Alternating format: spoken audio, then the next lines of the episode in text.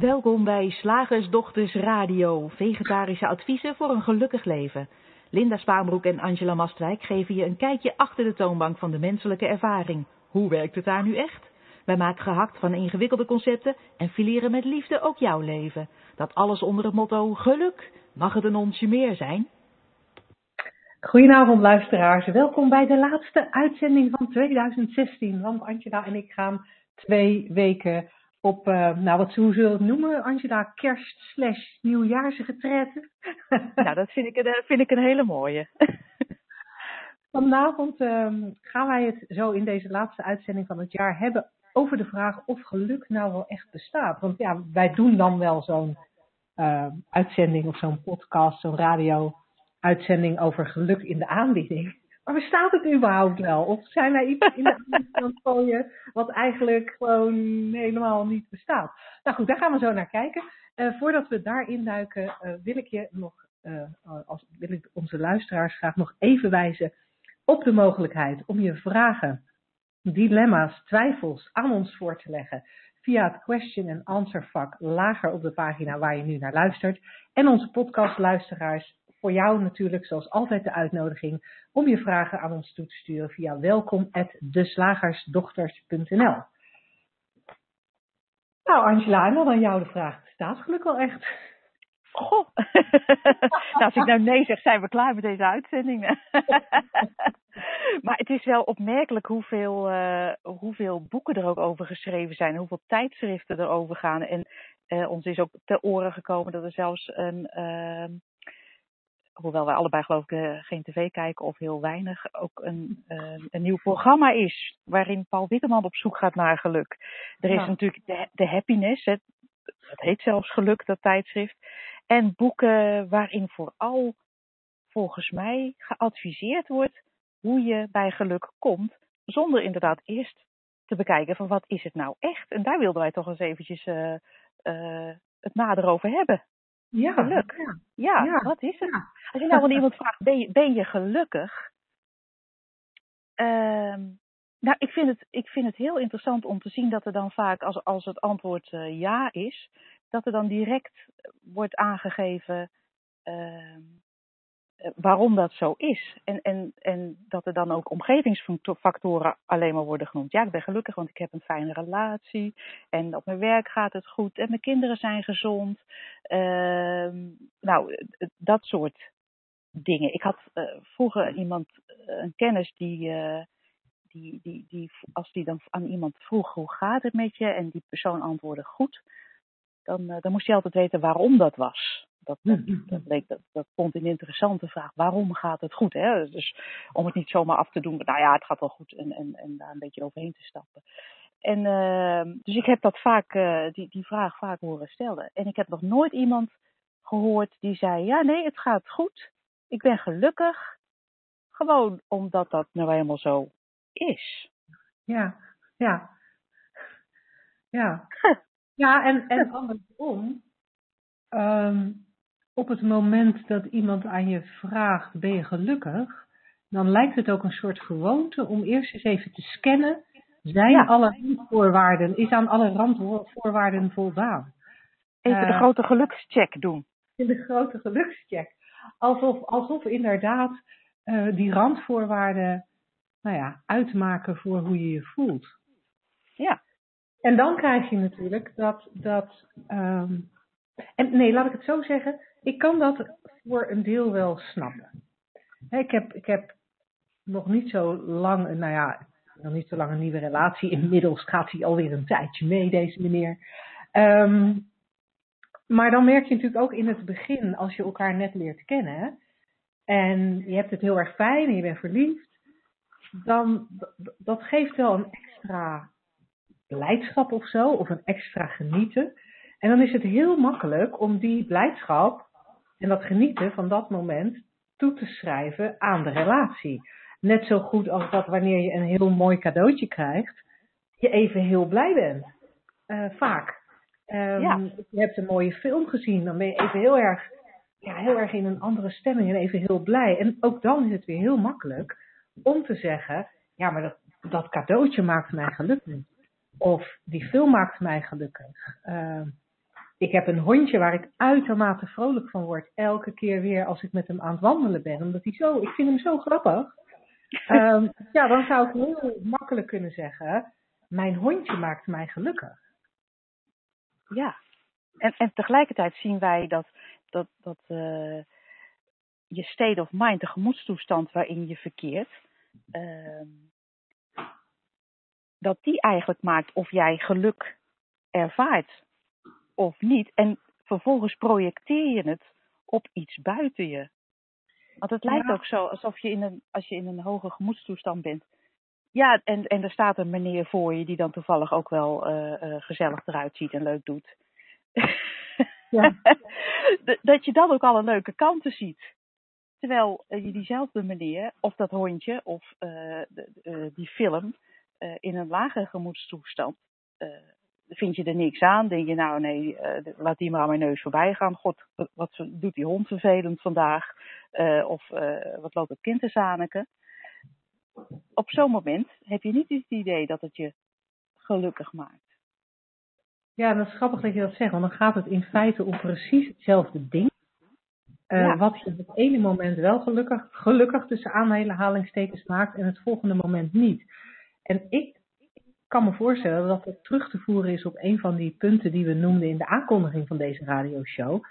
En dat we die kortstondige blijdschap vaak verwarren met geluk. Blijdschap in een moment, uh, ja, is, is, dat dan, is dat dan geluk? Ja, dat, of, dat lijkt mij eigenlijk niet, hè? Ja. Dat is meer een. Uh, uh, jij zegt inderdaad heel terecht het woord kortstondig. En zoals ik het langzamerhand steeds uh, uh, meer ga zien, is, is geluk een soort staat van zijn die eigenlijk altijd aanwezig is. Alleen we zien het niet altijd. Nee, dat. Maar voordat ik, voordat ik doorga, vertel er eens wat meer over. Nou, uh, jij zegt kortstondig en dat, dat, dat, dat triggerde mij inderdaad om uh, te zeggen, ja, dat kortstondig hoort bij blijdschap, dat is komen en gaan. Net als uh, boosheid kom, komt en gaat, net als angst komt en gaat, net als allerlei emoties komen en gaan. En we hangen ze vaak op aan iets buiten ons, omdat we nou eenmaal zo getraind zijn, laat ik het zo maar zeggen. Het is heel, uh, het is ook heel soort, soort niet normaal om het niet te doen. dus als mijn kind meldt mij, mam, ik heb een uh, acht voor, uh, die, uh, die lastige, voor dat lastige tentamen. Dan zeg ik, oh leuk en ik ben blij voor je. ja, zou, het zou sociaal onwenselijk zijn om dan te zeggen, whatever. Ja, om te zeggen, nou kind, weet je, dat maakt me niet zoveel uit, want mijn geluk is niet afhankelijk van jouw acht of, of een drie. En by the nee. way, jouw eigen geluk ook niet.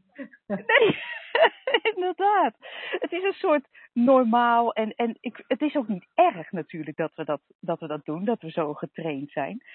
Alleen, uh, het is allemaal uh, kortstondig. Ik vind dat woord dat jij noemde, dat, dat, uh, dat is heel belangrijk. het is kortstondig. En zoals ik steeds vaker geluk zie en ervaar, is dat een soort permanente. Is dat permanent aanwezig? Alleen zien we het niet altijd. Omdat wij kortstondig ons met iets anders bezighouden. dan onze, dan onze, ja, onze standaardinstelling, om het zo maar even te noemen. Ja, en wat ik, ik, denk dat het heel goed is om straks even terug te komen op die standaardinstelling. Dat is natuurlijk een buitengewoon belangrijk uh, onderdeel van, uh, van wat wij hier willen overdragen aan onze luisteraars. Uh, waar ik nog even bij stil wilde staan, is het feit dat geluk in mijn ogen vaak ook geassocieerd wordt met iets van hyper de piep. En dan weet ik niet of ik daarmee overbreng wat ik bedoel. Maar geluk ja. groot en meeslepend en alles vervullend.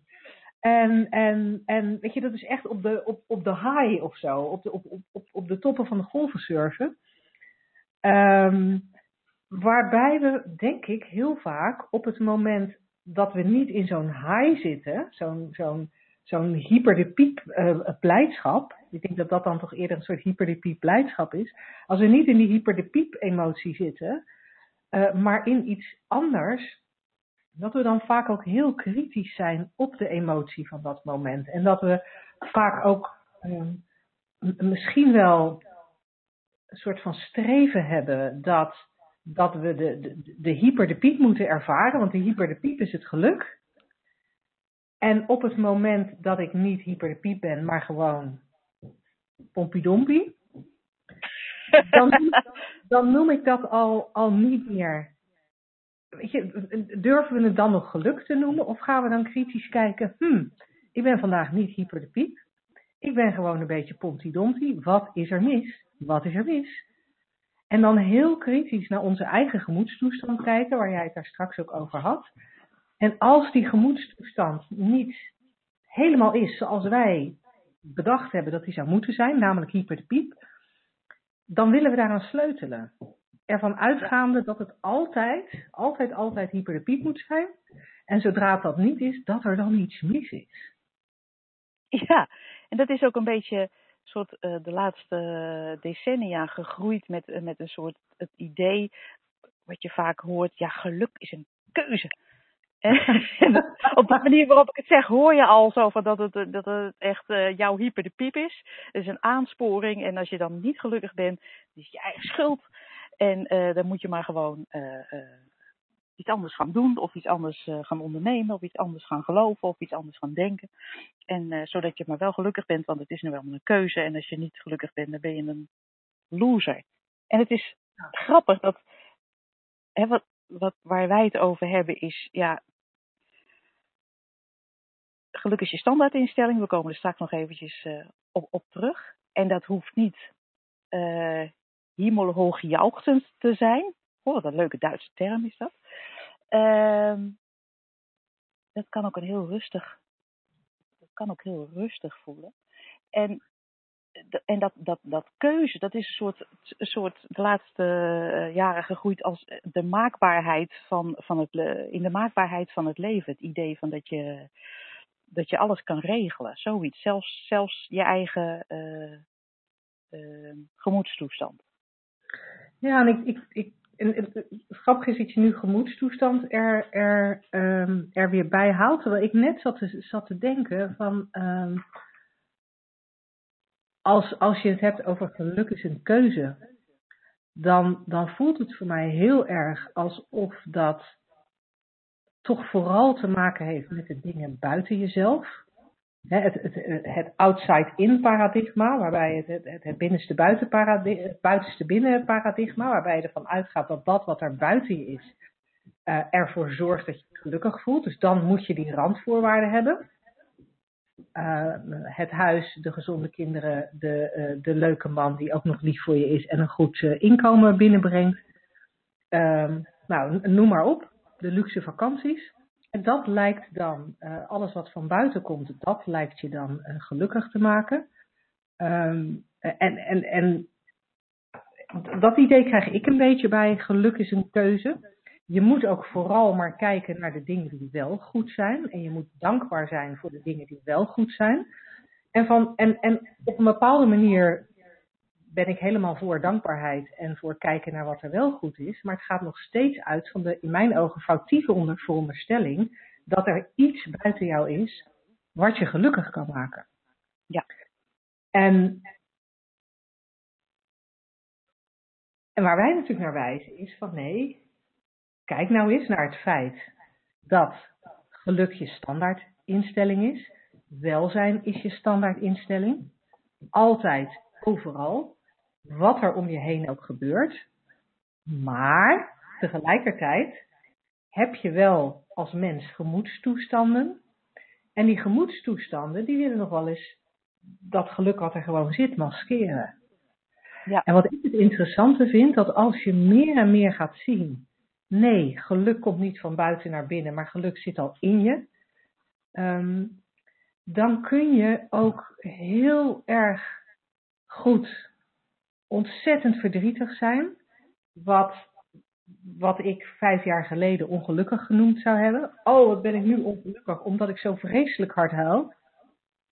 En nu kan ik dat ervaren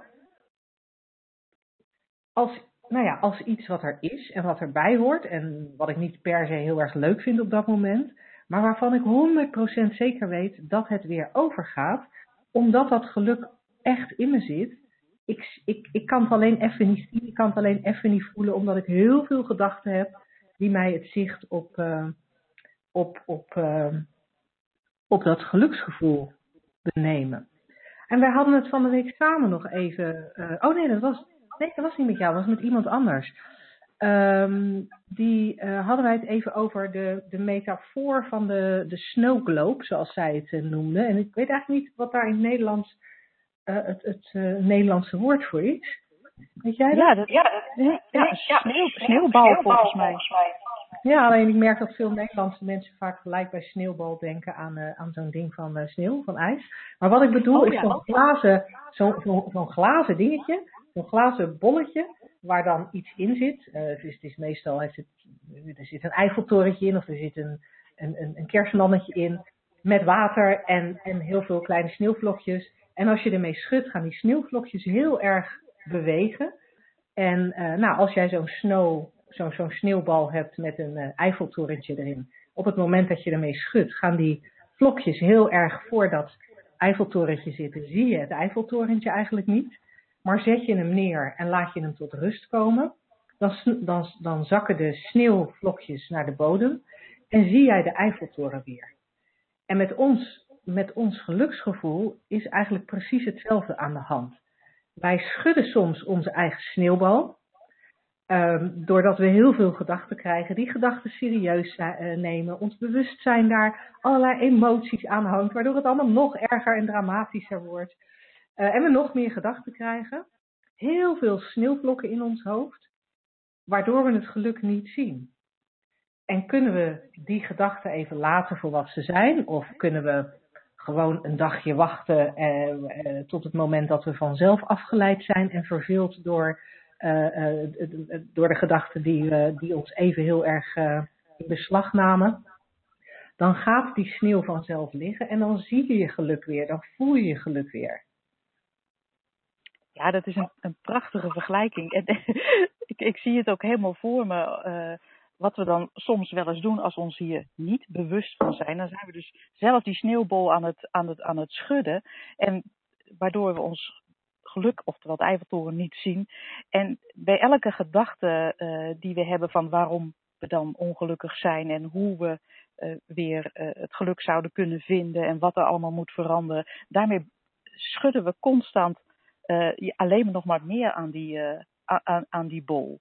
Ja. En ja, het is, het, is, het is een heel mooi beeld, dank je wel. En, ja. en het maakt en, het heel erg duidelijk. Ja, en als ik nog één toevoeging mag doen, naar aanleiding van wat jij net zei. Op het moment dat we voor, voor, vooral buiten onszelf aan het zoeken zijn. Ja, maar, ja, maar die kapotte auto. Dat, dat is een probleem. Of dat kind wat uh, uh, naar de HAVO gaat in plaats van naar het VWO. Of dat kind wat uh, toevallig niet goed genoeg cijfers haalt. Dat is een probleem. Dan, dan ben je ook wel een hoofd vol sneeuwvlokken aan het kweken. Juist door vooral te verwachten dat er iets buiten je is wat je gelukkig maakt of juist niet gelukkig maakt. Wat invloed zou, als je, als je ervan uitgaat dat iets buiten jou invloed kan hebben, blijvende invloed kan hebben op jouw geluk, dan in mijn ogen maak je die, die, die sneeuwstorm in je hoofd nog veel erger. Ja, precies. En, en dat uh, verwijst ook gelijk een beetje naar het laatste punt wat wij uh, in onze aankondiging noemden. Je kunt dus stoppen met zoeken, want juist dat zoeken is het schudden aan die bol. Ja, dat is mooi gezegd. Hè? En dat maakt juist dat je het, uh, dat je het niet ziet. Want geluk heeft geen reden. Ik, geluk heeft geen reden. Ongeluk wel, dan, dan geloof je in een gedachte. Een persoonlijke gedachte. Maar geluk heeft gewoon geen reden. Het is je standaardinstelling. En ik moet gelijk denken aan uh, een, aantal jaar geleden toen ik mijn huis te koop zette, toen, uh, toen belde ik een bevriende makelaar en uh, die, die kwam kijken om het, om maten op te meten. Of nou, eerst geloof ik even een algemene in, indruk van het huis, of het wel een beetje netjes was onderhouden door mij en eh, dat soort dingen. En Mhm. of ik er een dure keuken in had of een goedkope badkamer. En eh, wij raakten eigenlijk hierover in gesprek. Al, al lopend door het huis. En eh, de makelaar vertrok na, na een uurtje. En die belde mij later op en die zei: Angela, ik zat in de auto. En er kwam zo'n golf geluk over mij heen na ons gesprek. Maar het had geen enkele reden. Ik heb geen idee waarom. Maar ik weet, eh, God niet, ik weet bij God niet meer hoe je huis eruit zag. Mag ik morgen terugkomen? Dat is helemaal. dus ja, al pratend hierover zou je tot eh, de realisatie kunnen komen door het stoppen van het schudden aan die bol. Dat ook jij dat in je hebt. En dat is natuurlijk fijn om te weten. En als je het eenmaal ervaren hebt, zoals de makelaar toen, eenmaal een keertje die bol heeft hebt stilgezet en, en, en die Eiffeltoren van alle kanten hebt kunnen bekijken, dan eh, lijkt het me heel logisch ook dat je wat vaker van die bol afblijft. Ook al kan schudden af en toe best leuk zijn. Ja, ja en, en eh, schudden aan die bol natuurlijk ook wel onderdeel is van, van nou ja, de, de menselijke ervaring. Ja, Dus, dus, dus wij zitten hier op geen enkele manier te, te pretenderen dat je, dat je nooit ergens een gedachte over mag hebben en dat je nooit eens in paniek mag zijn of bang of verdrietig of wat dan ook. Tuurlijk, dat hoort er gewoon bij. En tegelijkertijd, je kunt, je kunt wel aanzienlijk minder schudden aan die bol. En, Ja. en als die dan een keer wel geschud is, weten dat, dat, dat, dat die Eiffeltoren er nog steeds is. En dat die vanzelf weer zichtbaar wordt, zonder dat er in je omgeving iets hoeft te veranderen. ja, en dat is ook heel belangrijk, ja. Zullen we over naar de wetenschap? Ja, leuk. Slagersdochters, wat zit er in de leverworst? Oftewel, tijd voor wat wetenschap. Ja, ik heb weer een leuk onderwerp gevonden. Tenminste, ik vond het leuk. en het, is, eh, het gaat gelukkig niet over kwantumfysica, Linda, dus je kan wakker blijven, hoop ik. Het gaat over eh, het opnieuw aangroeien van ledematen. Sommige dieren kunnen dat namelijk. En, eh, Oh, wauw. Ja, de, ja, de titel van het artikel was Bevrijd je innerlijke salamander. En dat vond ik Oh, zo'n leuke, zo'n leuke titel. Nou, eh, waar we mee beginnen is de Mexicaanse salamander. Heeft een hele mooie naam, axolotl. Die kan nieuwe ledematen aan laten groeien. En daarom gebruiken wetenschappers dit beestje om eh, te bestuderen of dat ook voor de mens mogelijk zou zijn. Regeneratie noemen ze het. Eh, want dat zou natuurlijk fantastisch zijn als je arm eraf is en je, je, groeit, eh, je laat er gewoon een nieuwe aangroeien. En zij zeggen ja, het is eigenlijk een, een,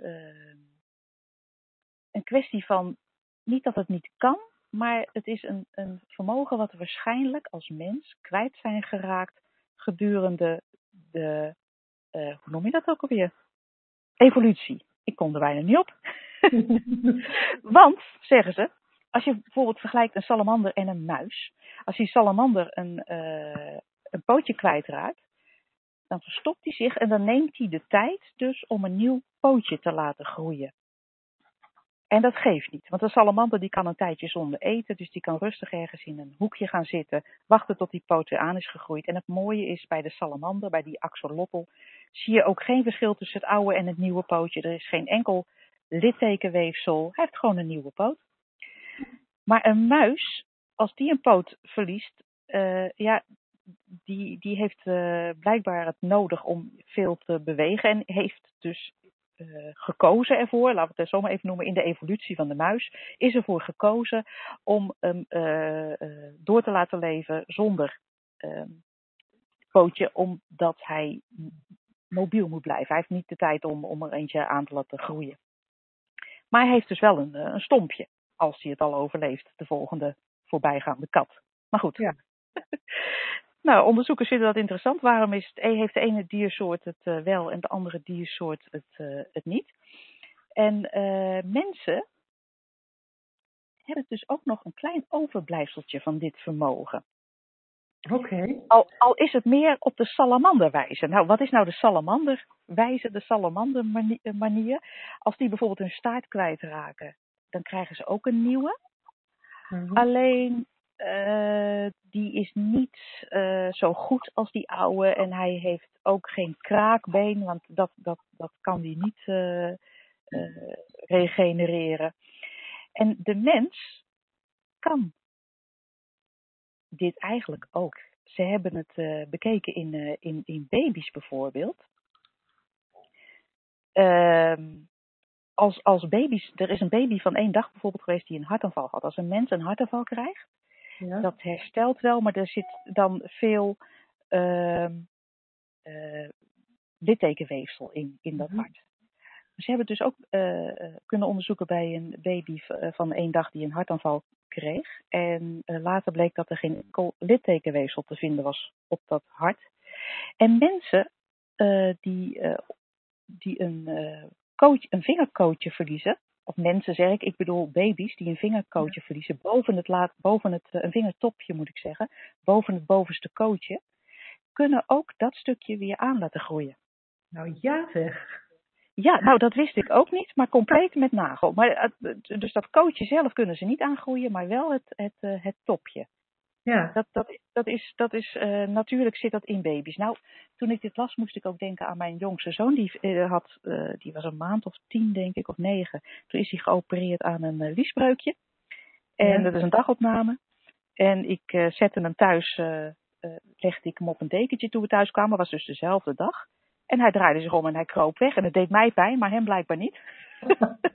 Dus ik dacht, kind, je bent net geopereerd. Maar hij had er verder geen last van. En ik heb nooit een eh, litteken meer kunnen ontdekken. Ik, ik zal het hem nu niet vragen. maar die eerste paar jaar eh, blijft er toch luiers verwisselen als moeder. En daar is dus eh, nadat de hechtingen waren opgelost geen enkel litteken van overgebleven. Dat had, deed mij toen ook al denken van, oh dat is wel apart. Het was ook maar een heel klein sneetje. Maar, maar goed, dus de mens heeft eigenlijk al eh, dat, eh, dat vermogen om te regenereren. En natuurlijk zijn eh, onderzoekers er al inmiddels al twintig jaar of langer mee bezig om te onderzoeken hoe ze dat gen, want dat is het eigenlijk, weer aan kunnen zetten. Welk eh, eh, schakelaartje ze moeten hebben eh, om te manipuleren, om dat weer aan te zetten. Want als, ze zeggen als het een kwestie is van evolutie, ja, dan, dan moet je ook weer terug kunnen gaan. Ja. En eh, ja, ze hebben ook al verschillende, verschillende dieren die dus die mogelijkheid eh, hebben. Zebravissen bijvoorbeeld. Zijn, zijn ze uitgebreid onderzoek aan het doen. Welke genen doen dit en welke zouden we dus bij de mens moeten activeren. Het zou natuurlijk mooi zijn als dat kon. En het schijnt dat eh, levers bijvoorbeeld, een lever in de mens kan, heeft al de mogelijkheid om ja, nieuw weefsel zelf aan te maken. En ehm, men zegt nu eigenlijk, ja, wat, wat, wat die cellen doen, dat is al wel eh, ontdekt eh, in een zoogdier. Ja, want een mens is natuurlijk ook een zoogdier, dus ze willen zoogdieren hebben die dat, eh, die dat kunnen. En dat zijn salamanders nu helemaal niet. Mhm.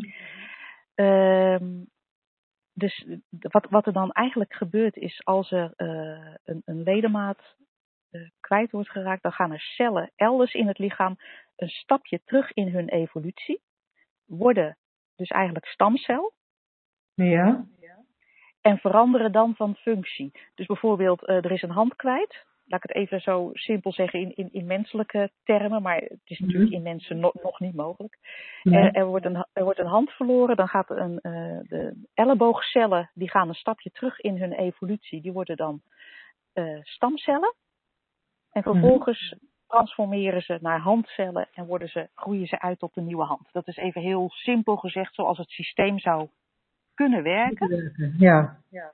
En eh, nou ja, het zou natuurlijk ontzettend gaaf zijn als eh, het lukt om dat ook voor mensen te regelen. Oh ja, dat, dat, dat stukje sloeg ik over. Ik dacht wel, ik mis iets in mijn verhaal, maar dat is de stekelmuis. Ik ben de stekelmuis helemaal eh, vergeten in mijn verhaal. Wil ik nog even noemen. Er is dus eh, eh, een stekelmuis ontdekt. Ik heb hier een heel leuk plaatje van hem voor me. Hij ziet er echt schattig uit. Het is een soort kruising tussen een, eh, tussen een muis en een stekelvarkentje. Of hoe noem je dat? Een, een, ehm, Egeltje? die- Een egeltje, precies. En ehm, die zijn dus al in staat om hele stukken huid te vernieuwen. Mhm.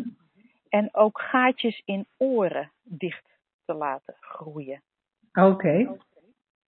En, uh, dus, en, en een stekelmuis is een zoogdier. Dus uh, het, het, onderzoek wat nu gedaan wordt, dat concentreert zich op de stekelmuis. Ach, arm beestje. En uh, ja, om, om, om te kijken hoe die stekelmuis dat, dat, dat doet. En tot nu toe is dus gevonden dat, ja, dat een cel zich dus een soort terug evolueert en dan transformeert. En ja, mochten er nieuwe ontwikkelingen zijn, dan blijf ik daarin geïnteresseerd. Ja, ja, heel erg interessant. Ja. ja dat doet me ook een beetje denken aan, aan wat je een paar weken geleden. Ja, nee, ik, ik zit dan een lijntje te verzinnen met, met um, waar wij het hier in deze radioshow over hebben. Oh, en ja. daar denk ik aan waar we uh, het uh, twee of drie weken geleden over hadden. Uh, toen jij in dit wetenschappelijke blok vertelde over een arts in Amerika die erg in de richting gegaan was van psychosomatische klachten. Uh, en ja. Hoe, ja, hoe denken daar eigenlijk een, een grote factor in speelt. heb je, zie jij een linkje tussen wat je nu in dit onderzoek hebt ge, gelezen met, met bijvoorbeeld dat wat je twee weken geleden daarover vertelde? Nee, nou, kijk, als ik nu zou bedenken, is, is er een link, dan lijkt het mij een soort belangrijke stap dat we als mens ook geloven dat dit kan. En dat klinkt zo van je moet het heel hard, heel hard erin geloven en dan kan het ook, maar dat bedoel ik niet. Maar uh, kijk, ons, ons persoonlijke denken en alle wetenschap, ook, hoewel ik er graag over praat en er graag over lees, is natuurlijk ook maar uh, persoonlijke gedachten die bewezen uh, worden of niet bewezen worden. En ik denk dat het uh, voor een mens belangrijk is om, om het open te laten. En dus niet zoveel het, persoonlijke gedachten te hebben ook over het fysiek, van wat er allemaal wel en niet mogelijk zou zijn.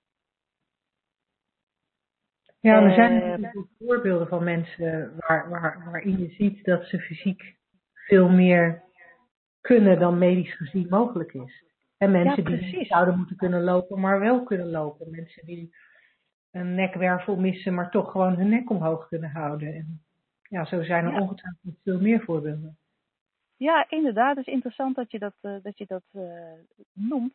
Ik had eigenlijk helemaal niet nagedacht over een verbinding met Three Principles. Ik vond het gewoon zo leuk, vooral die stekelmuis. ja, maar... dat is horen. Maar inderdaad, en we hebben het natuurlijk ook eerder al gehad over epigenetica, uh, waarin dus wordt gezegd dat met de denkpatronen die jij hebt, die jij gelooft, die jij ook overneemt van uh, ouders, opvoeders en de maatschappij, dat je daarmee ook uh, eigenlijk genen aanzet en uitzet. En daar heeft men hier in dit verhaal natuurlijk ook uh, over waar zit die switch. En als in de epigenetica wordt gezegd, nou je kan dus met het loslaten van denkpatronen of veranderen van denkpatronen ook andere genen activeren. Ja, waarom zou het dan niet mogelijk zijn om als wij alle denkpatronen die we hebben over ons uh, lichaam, en dat zijn er nogal wat, lees de bladen er maar op na, als het gaat over sport en voeding mm. en nou ja, ziektes, dan stel je voor dat als we ook al die denkpatronen los zouden kunnen laten, ik weet niet of dat mogelijk is, uh, misschien is er dan ook gelijk meer mogelijk en wordt die switch eerder gevonden in het, in het, uh, in het gene stelsel, als ik het zo mag noemen. Ja. Ik weet het niet, ik vind het wel interessant. Ja, fascinerend. Ja, want dan gaat het, verschuift er, lijkt het alsof er veel verschuift in de wetenschap uh, op het moment. Ja, inderdaad. Vandaag hoorde ik ook, ik weet niet of jij dat al gehoord hebt, maar vandaag hoorde ik ook in het nieuws dat uh, men nu twijfelt aan het onderscheid tussen X- en Y-chromosomen. Er is natuurlijk altijd gezegd, uh, meisjes hebben XY, jongens hebben, nee, jongen, wat was het? Jongens hebben XY, meisjes hebben XX. En daarom ja. is het een meisje en een jongen en een jongen. Um, en vandaag was er een wetenschapper op de radio die zei van ja, het is niet zo zwart-wit, het is niet zo binair. Het is een soort glijdende schaal tussen XX en XY. En daartussenin zit, zitten allerlei verschillende leefvormen. Um, dus er verschuift heel veel in wat we lang hebben gedacht dat wetenschappelijk bewezen was en dus waar. Ehm, ja, en, en, en, dat blijkt nu eigenlijk toch niet zo waar te zijn. Dus ik vind het super interessant wat jij nu inbrengt. Uh, daar, dat, daar wellicht ook veel meer mogelijk is dan wij nu vanuit ons huidige denkkader uh, vermoeden. Ja, ik vind, het, uh, ik vind het gaaf om het open te laten en steeds nieuwe, nieuwe dingen te ontdekken die meer mogelijkheden bieden dan, eh, dan we voorheen dachten. Ja. heel cool. Zeg, slagersdochters, hoe bak ik die vegaburger? Over naar de luisteraarsvraag. Ja, de luisteraarsvraag. Ik heb er eentje op de mail. Ik weet niet of jij er daar live ook eentje hebt, Linda? Nee, live, live is er geen een binnengekomen. Dus dat uh, wisselde elkaar weer keurig af. Mooie, ja. Ik heb een, uh, een mooi bericht gekregen van Bianca en die zegt... Uh, nou, ze vinden onze podcast heerlijk. Laat ik daarmee beginnen. Dat vind ik zo leuk om te lezen. ze heeft een vraag. Ze zegt, ik heb angst. Hey, mag, ik, mag, ik, dan even een hele, hele brutale vraag aan Bianca stellen? Um, het zou ons heel erg helpen als je uh, dat ook als een review op, uh, pod, op uh, iTunes zou willen achterlaten. dat ja. je geniet van de podcast. Want hoe meer reviews er zijn, en natuurlijk met name als het positieve reviews zijn um, hoe, hoe, hoe, beter wij getoond worden um, in, de, in de zoekresultaten. Dus als je ja. dat zou willen doen, dan zou dat superleuk zijn. Ja, uh, hartstikke leuk. Kom op. Nee, nee heel, heel goed dat je dat even zegt, want dat, uh, dat uh, vergeet ik ook wel eens. Uh, ja, reviews, hartstikke leuk. Nou, Bianca heeft angst en die leidt daaronder. Ze zegt, ik blijf in een emotie hangen. Mijn liefdesrelatie is sinds kort uit en ik merk dat ik tussen aanhalingstekens jaloers op hem ben, omdat hij accepteert dat we geen relatie meer hebben en zijn leven oppakt en verder invult. En ik, ik blijf hangen in verdriet en in de angst dus. Verdriet omdat de relatie niet heeft mogen lukken, maar veel meer nog de angst om alleen te zijn. Of misschien ben ik wel gewoon boos op mezelf, dat ik het maar niet voor elkaar krijg om over mijn angst heen te stappen. Angst en boosheid. Pff. Ik weet dat ik een nieuwe gedachte kan kiezen. En dat probeer ik ook. Soms lukt dat, maar mijn gevoel doet niet mee. Ik wil er heel graag vanaf. Want het brengt me niet verder. Ik wil ruimte voor ander gedrag. Ik doe wel dingen, ik ga uit met mijn vriendinnen. Maar ik blijf een knoop in mijn maag en keel voelen bij alles wat ik doe. Hoe ik ook begrijp hoe het systeem werkt. Ik ben er nog niet achter waarom ik dat gevoel van angst blijf houden. Zou je me mee een beetje op weg kunnen helpen? Jeetje, ja. Oh, zo ook zo, voor mij persoonlijk ook zo'n herkenbaar gevoel. Uh, wat Bianca ja.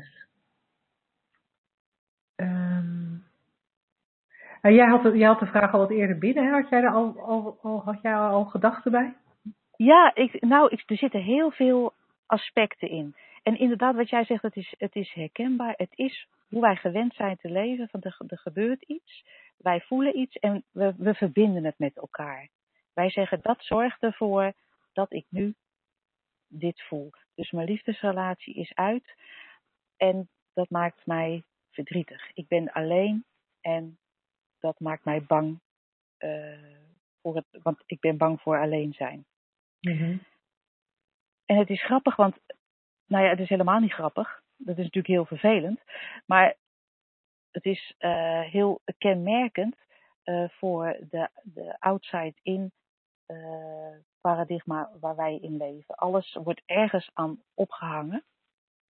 En wat wij nu zeggen is, het heeft eigenlijk niets met elkaar te maken. En dat klinkt heel raar. Dat, laat ik dat even voorop stellen, Bianca. Het klinkt heel raar als ik zeg: jouw angst heeft niets te maken met uh, je, dat je alleen bent. En je bent ook niet verdrietig omdat je liefdesrelatie uh, ten einde is. Dat klinkt echt heel tegennatuurlijk zelfs. Ja, toch? Ja, ja, absoluut. Ja, dat klinkt echt heel tegen natuurlijk. Want dat is, dat is gewoon uh, uh, hoe we dat als mens uh, beleven.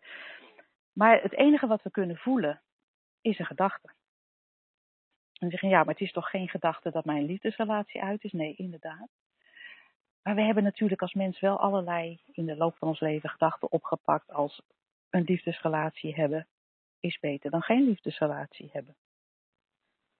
Of met z'n tweeën is gezelliger dan alleen. En dat zijn eigenlijk allemaal, en dat kan voor jou op dat moment waar zijn, jou, jouw realiteit uh, uh, lijken. Maar uiteindelijk heeft dus je gevoel niets te maken met het feit de relatie is uit of met het feit ik ben alleen, maar met gedachten die je hebt. Dus misschien, ik, ik ben nog gek op hem of niet, ik weet niet of dat waar is hoor, maar ik, ik, ik, ik noem even maar wat willekeurige gedachten die je zou kunnen geloven en die je dus dan ook voelt. Want het is uh, vervelend om alleen dingen te ondernemen. Uh, nou, allerlei gedachten kunnen, kunnen opkomen. En die voel je. En dus niet iets in de buitenwereld. En wij hebben het met elkaar verbonden. En dat is eigenlijk, ja, dat, is de, het, dat doen we als mens. Maar het is mogelijk om, om in dat, dat te doorzien. Bijvoorbeeld, uh, het is heel interessant dat Bianca zegt: van ik doe wel dingen, bijvoorbeeld uitgaan met vriendinnen, maar ik blijf een knoop in mijn maag en keel voelen bij alles wat ik doe. Heel herkenbaar. Waarschijnlijk toen zij samen was met haar vriend of echtgenoot, deed ze ook dingen met vriendinnen, maar zonder die ondertoon daarvan angst en verdriet. En die ondertoon van angst en verdriet, ja, dat, dat, dat is toch echt 100% gedachten die je hebt. Over alleen zijn, over uh, gebroken relatie, uh, over de toekomst.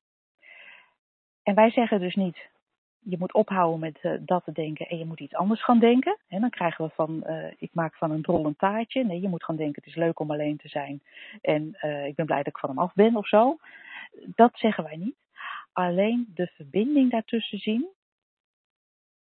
maakt het al wat losser. Maakt het al dat je wat minder aan die sneeuwbol schudt. Ik heb angst om alleen te zijn. Dat is schud, ik moet er overheen stappen. Ik moet nieuwe gedachten kiezen, is ook aan de sneeuwbol schudden eigenlijk. Dus het ja. begrijp, ja, zeg maar. Ja, nou, ik, ik, ik wou nog een, een kleine aanvulling doen, omdat wat ik, wat ik vermoed, als, uh, op basis van mijn eigen ervaring, dat Bianca inderdaad vaak een knoop in de buik heeft. En vaak uh, uh, gedachten heeft over jaloers zijn op hem. Um, en, en ik geloof onmiddellijk dat als ze met haar vriendinnen uit is, dat ze die ondertoon voelt. En tegelijkertijd weet ik van mezelf, en, en ik weet ook dat het systeem zo werkt, en daarom vermoed ik dat het bij Bianca ook wel eens zo zou kunnen zijn, dat als je een avond uit bent met je vriendinnen, dat het niet 100% van de tijd uh, zo is. Dat je niet 100% van de tijd die angst voelt, of die knoop in je buik, of wat het negatieve gevoel op dat moment ook is. Het kan niet anders dan dat er op zo'n avond ook momenten zijn waarop je even heel erg in het moment bent, heel erg in het nu. En zodra je in het nu bent, is die, ja, is die knoop weg. Want, want in het nu ben je gewoon oké. En wat mij persoonlijk heel erg heeft geholpen uh, in de tijd dat ik, dat ik echt nog een beetje die overgang aan het maken was van, zeg maar van voordat ik de drie principes, voordat ik inzicht had in de drie principles en, en daarna, in, de, in, die, in die en, en voordat mijn inzicht zich echt verdiepte, in die tussenperiode hielp het mij heel erg om me bewust te zijn van het feit, ja, die angst is er. En hij is er niet de hele tijd. Er zijn ook goede momenten. En het klinkt een beetje als een trucje, misschien is het dat ook wel. En vanuit de drie principes zouden wij, hè, zouden wij geen trucjes mogen geven of geen adviezen mogen geven. Maar kan je wel vanuit mijn ervaring vertellen, dat hielp mij om dat te zien. Um, want, want daardoor ontstond er, ontstond er ruimte om vaker te herkennen dat ik me eigenlijk op veel meer momenten oké voelde. Wat mij ook heel erg heeft geholpen, en dat is wel een ronduit advies van mens tot mens, niet van 3P practitioner tot, tot luisteraar, maar van mens tot mens. Het heeft mij ook heel erg geholpen om te stoppen erover te praten. Want wat er bij mij gebeurde, dat was dat, nou oké, die, weet je, die sneeuw in mijn hoofd, die raasde vaak genoeg. Uh, en dan zag ik inderdaad niet meer dat ik eigenlijk wel oké was. En dan had ik allerlei oordelen over dat ik het anders zou moeten voelen, anders zou moeten zien, het anders zou moeten doen, weet ik het. Ehm, en dus die sneeuwbol die was al heel vaak heel erg in, in beweging. En, en dan waren er momenten dat het rustig was. En dan vroeg er weer iemand aan me, en, en hoe, hoe is het nu met je? En dan ging ik checken bij mezelf, hoe is het nu met me? En dan dacht ik onmiddellijk aan, nou ja, die knopen in mijn buik op het moment dat ik uitging. Of het feit dat ik net van s ochtends onder de douche had zitten huilen. Niet erg dat ik onder de douche had zitten huilen. Maar als ik dat dan smiddags nog weer ging herhalen, had mijn gesprekspartner medelijden met mij en ging, ging op de materie in. En ging dan met mij nog eens even analyseren waarom het toch beter was dat de relatie voorbij was. Waarom het, nou ja, precies wat jij net zei. en, en, en, ja, en gingen we eigenlijk helemaal mijn gedachten serieus nemen over de angst die ik had om alleen te zijn. Het gevoel van een loser. Ik, ik voelde me heel erg een loser. Uh, ik, ik, ik, heb, ik heb in die tijd wel geroepen. Ik ben een, ik ben een relatieloser. Um, en uh, uh, ja, op het moment dat je daar een gesprek met iemand over aangaat, nemen mensen die gedachten heel erg serieus, want ze geloven je. Um, zou je praten met mij of Angela, dan, dan kijken wij blanco naar jou en denken we, nou, dat is mooi bedacht, maar, maar, het is niet waar. De meeste andere mensen die niet op de hoogte zijn van de drie principes, die, die weet je, als jij jij zegt dat je een, een loser bent, of een relatieloser bent, of dat je dat beter had moeten doen, of dat je niet jaloers mag zijn, weet ik veel wat je van jezelf denkt, dan nemen ze jouw gedachten serieus en gaan ze daarmee aan de slag. Gaan ze je vertellen dat dat wel meevalt en dat dat echt niet zo is, want kijk maar, bla bla bla bla bla. Waardoor jij eigenlijk ook aan die sneeuwbal blijft uh, schudden. En uh, door, voor mij hielp het om er niet over te praten. Ja, en ja, dat is, dat, dat is heel mooi. Je geeft het gewoon, uh, jij hebt het ook vaak over uh, gedachten, bellen blazen of zo. Gedachten je blijft... en gedachten treinen heb ik het altijd over. Oh, oh oké. Okay. Ik dacht dat jij ook van, die, van de bubbel ja, was. Ja, ik ben de bellenblazen. Ja, de bellenblazen. De bellenblazen, dat is meer van gewoon een soapserie van je leven maken. En overal, oh, ja. overal ja. weer een zeepbel creëren die een drama is. En, ja. en nou ja, Bianca's relatieprobleem, of de, het probleem door de gebroken relatie, zou ook zo'n zeepbel kunnen zijn. Uh, maar wat wou je zeggen over de zeepbellen? Ja, nee, dat, ik, ik zag het zo, zo voor me. Maar eigenlijk wilde ik zeggen dat uh, bekend zijn met het systeem, dus snappen hoe het werkt, ja, dit is maar gedachte, maakt je er niet vrij van, want je blijft een mens. Maar het biedt wel de mogelijkheid dat je er vrij in bent. Midden in je verdriet. Ik moet ook uh, denken aan uh, wat, wat mijn, mijn zus zo mooi schetste toen mijn moeder was overleden. Ze werd ochtends wakker. Er was even niets aan de hand. Totdat de gedachte binnenkwam: mijn moeder is dood. En daarmee een golf van verdriet. Ja. En nou, kennis van het systeem maakt niet dat je dus altijd vrij bent van verdriet of angst. Want wij vinden het in onze cultuur nu eenmaal, uh, hebben wij besloten dat dood de, de, de slechte kant van de zaak is. En vooral als het je moeder is en die ga je missen. Dat hebben we allemaal, daar zijn we het zo'n beetje allemaal over eens. Dus daar hoef je ook niet uh, een andere gedachte over te hebben. Je hoeft daar ook niet vrij van te zijn. Maar wetend hoe het systeem werkt, ook voor Bianca, je kan ook je kan wel meer vrijheid krijgen. Jij noemde dat net ook al mooi, heel, ruim, uh, heel mooi ruimte. Uh, midden in die angst en die boosheid. En daarmee het eigenlijk, ja, dan is er gewoon angst en boosheid. En dat is niet erg. En dit wetende, dit systeem wetende, maak je er niet vrij van, maar wel vrij in. En daarmee bedoel ik dat het, uh, die angst en boosheid ook een soort gelegenheid krijgen, ruimte zoals jij dat mooi noemt, om, uh, om weg te hebben als het daar tijd voor is en weer op te komen als dat zo, als dat zo gebeurt. Net als bij een, uh, bij een kleuter, hè, dat zeggen wij ook vaak. Het systeem is nu eenmaal zo dat er ge gedachten opkomen en weer gaan. Dus ook gevoelens opkomen en weer gaan.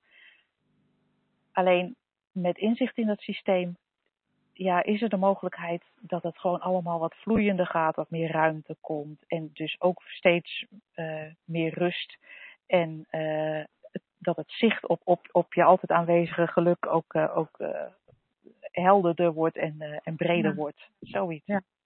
Ja. Ja. Nou, ik hoop, ik hoop dat Bianca hier, eh, ja, dat we hier Bianca een klein beetje mee verder hebben geholpen. Zo niet, Bianca, als je vervolgvragen hebben, voel je totaal vrij om die eh, nog aan ons te stellen. Want wij gaan er graag nog een keer op in en dan misschien vanuit een andere invalshoek. Maar als we je kunnen helpen, doen we dat heel graag.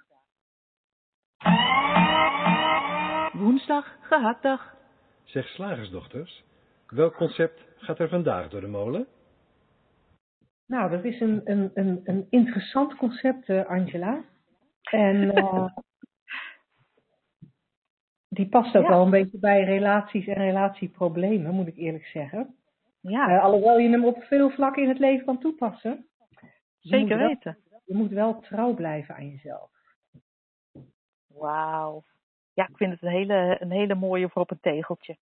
Het is een hele mooie voor op het tegeltje. En ik hoor hem zo onwijs vaak. Oh, echt? Ik hoor hem echt heel erg vaak. En in welke context eh, hoor jij hem vaak? Ehm, nou, ik kan, ik kan niet met deze klant werken. Eh, ik moet wel trouw blijven aan mezelf. Ik kan geen verkoop-e-mails versturen. Ik moet wel trouw blijven aan mezelf. Ik kan geen relatie hebben eh, met deze man, want ik moet wel trouw blijven aan mezelf. Of ik moet juist een relatie met deze man hebben om trouw te blijven aan mijzelf. Dat is heel vaak. Jij niet? Eh, nou, En al die pensionadas in Portugal helemaal niet eh, bezig met trouw zijn aan zichzelf. nee, nee, die zijn daar te oud voor. Die hebben geleerd dat je dus helemaal niet trouw moet zijn aan jezelf. Dat je gewoon eh, jezelf compleet moet wegcijferen. En dat is het tegenovergestelde eigenlijk. maar ik, wat ik wel zag, eh, is, is, is laatst iemand die ook getrouwd is met zichzelf letterlijk. Er is natuurlijk niet een officiële eh, procedure voor. Je kan niet naar de ambtenaar van de burgerlijke stand en dat verzoek indienen. Maar je kan natuurlijk, je bent vrij in om een ceremonie te bedenken die je wil. En deze mevrouw was, was echt, die had een heel feest gegeven. En ook eh, eh, een hele, ja, hoe doe je dat? Een trouwbelofte eh, geschreven en uitgesproken eh, voor zichzelf en naar zichzelf. Ik vond het grappig. Ja, nou, dat, voor mij zet dat, je moet trouw blijven aan jezelf ook in een, een totaal ander daglicht. Ja, nee, zij had zich, zij had zich zelf beloofd om, om goed voor zichzelf te zorgen. En, eh, en ook, geloof ik, en, en dat eh, haakt meer aan bij wat jij dan om je heen hoort, om eh, alleen te doen wat haar hart haar ingaf, zoiets. Ja, Maar als ik naar jou luister, dan denk ik, het wordt ook dus vaak gebruikt als, laat ik maar even zeggen, smoes, om iets niet te hoeven doen. Of als, doen. of als excuus voor eh, waarom je dingen eh, hebt gedaan. Ja, ik moest trouw blijven aan mezelf. Dus. Ja, ja. ja en wat, Ja. wat ik, eh, trouwens heel even een checkvraag. Hoor jij het gepruttel op de achtergrond of heb je daar geen last van? Ik heb het gedurende de uitzending af en toe gehoord. Oké. Maar nu niet. Maar nu niet, oké. Nee. Eh, nee, dan, dan was dat een ander gepruttel, want het begint namelijk nu pas te pruttelen. Dus Oké. ehm, ehm, dan was dat gewoon eh, static eh, tussen, tussen Alvoor en, eh, en Loosdrecht in dit geval. Dat denk ik, ja. Ehm, nee, wat ik, wat ik interessant vind aan trouw blijven aan jezelf, dat, dat gaat heel erg uit, in mijn ogen, van het feit dat er een zelf is dat een, dat, dat, nou ja, dat een soort vaststaand gegeven is. Ja. En dat vaststaande gegeven, dat beeld dat jij blijkbaar hebt geschetst van jezelf, wat blijkbaar altijd, altijd stabiel en solide is, als een soort marmeren standbeeld, daar moet je je wel naar blijven gedragen. En daar geloof ik totaal niet in. Nee, Eh. het klinkt ook heel beklemmend. Het, het klinkt enorm beklemmend, plus dat, zoals ik er tegenaan kijk, ehm, tegenwoordig, vroeger niet, maar tegenwoordig wel, dat, dat het beeld dat ik van mezelf heb, is, ehm, is afhankelijk van de gedachten eh, in het moment. We bespraken daar straks naar aanleiding van de, van de vraag van Bianca, hoe, hoe, hoe ik een tijdje heb gedacht dat ik een enorme relatieloser was. Nou, tegenwoordig vind ik mezelf echt geweldig in het hebben van een relatie. echt, jongen, ik ben er goed in, niet normaal. Je bent een En, eh, relatietopper geworden. ja, ik ben echt een relatie. Maar dat- heeft dus 100% te maken met het beeld wat ik op dit moment van mezelf heb. De gedachten die ik op dit moment van mezelf heb. Maar het is totaal anders dan acht maanden geleden of dan een jaar geleden. Ehm, dus, dus als ik trouw was gebleven aan het beeld dat ik een jaar geleden van mijzelf had, dan was ik nooit meer aan een relatie begonnen. Want dan zou ik alleen maar iemand anders enorm verdrietig mee maken om met zo'n relatieloser als ik eh, in zee te moeten gaan. ja, inderdaad. En dan had ik ook nooit eh, mijn huis verkocht en op reis gegaan als ik trouw was gebleven aan mezelf. Want is- zo was ik helemaal niet. Een beetje zo rond gaan zwerven, eh, doelloos. En ik moest dat gewoon een beetje uitgestippeld hebben, het Ja. hele leven. Ja. En vooral veiligheid, ja. Ja, grappig is het als je. Ik, sorry dat ik steeds grappig zeg. Dat is een soort mijn stopwoordje als dat jij fa- fascinerend hebt, geloof ik. Eh, maar interessant is het dat wij ons zelf een aantal eigenschappen toedichten, inderdaad. Dat, dat, eh, waar wij ons vervolgens ook toe beperken. Want als ik vooral naar jouw eh, ervaringen luister, zijn het vooral beperkingen die we daarmee, waarmee we onszelf in elkaar hebben geknutseld. Ja, terwijl, terwijl ik het ook wel eens ehm, hoor zeggen. Ik ben het met je eens, hè? het klinkt heel erg als een, eh, als een beperking als we er zo over praten.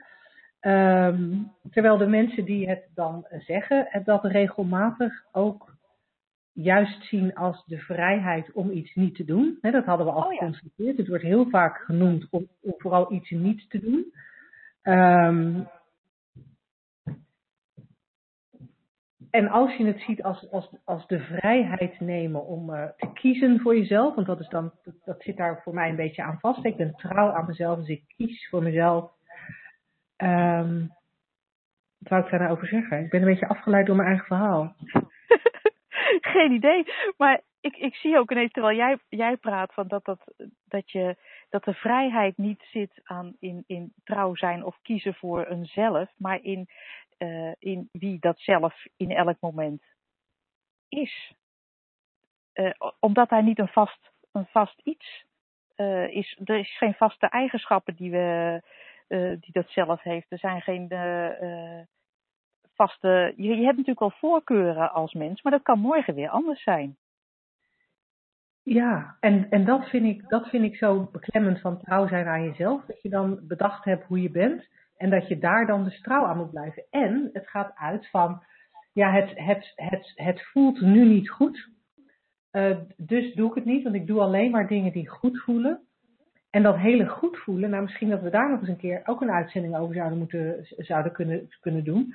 Want dat, dat iets goed voelt, is ook heel erg afhankelijk van je gemoedstoestand in het moment. Er zijn momenten dat het zo goed voelt om een volledig zak chips leeg te eten.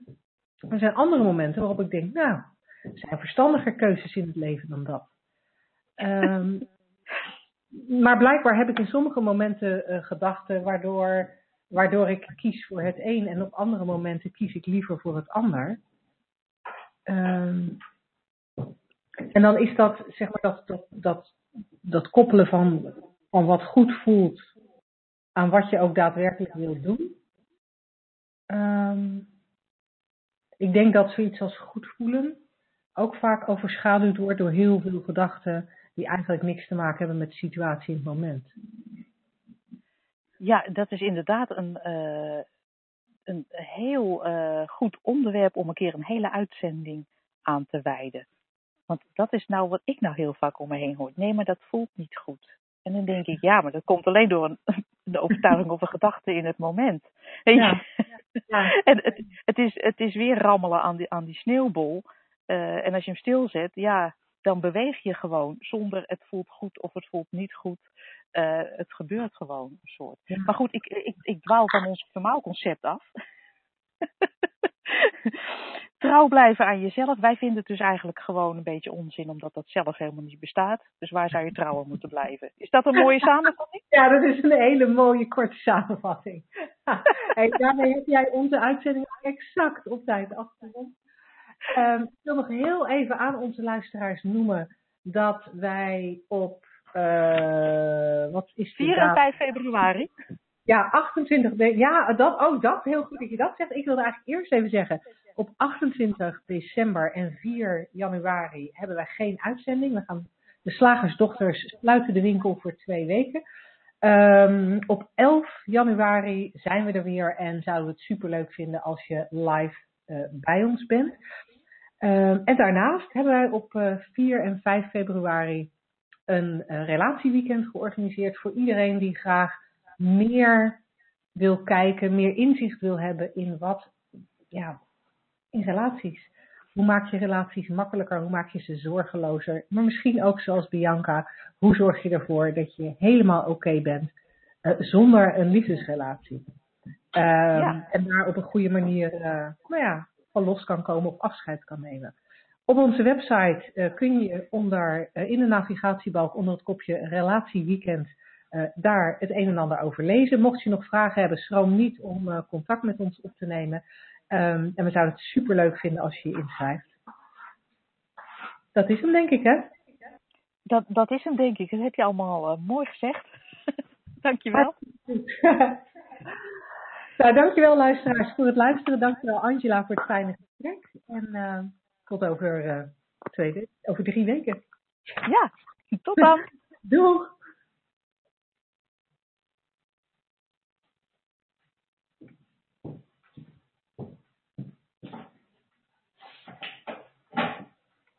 So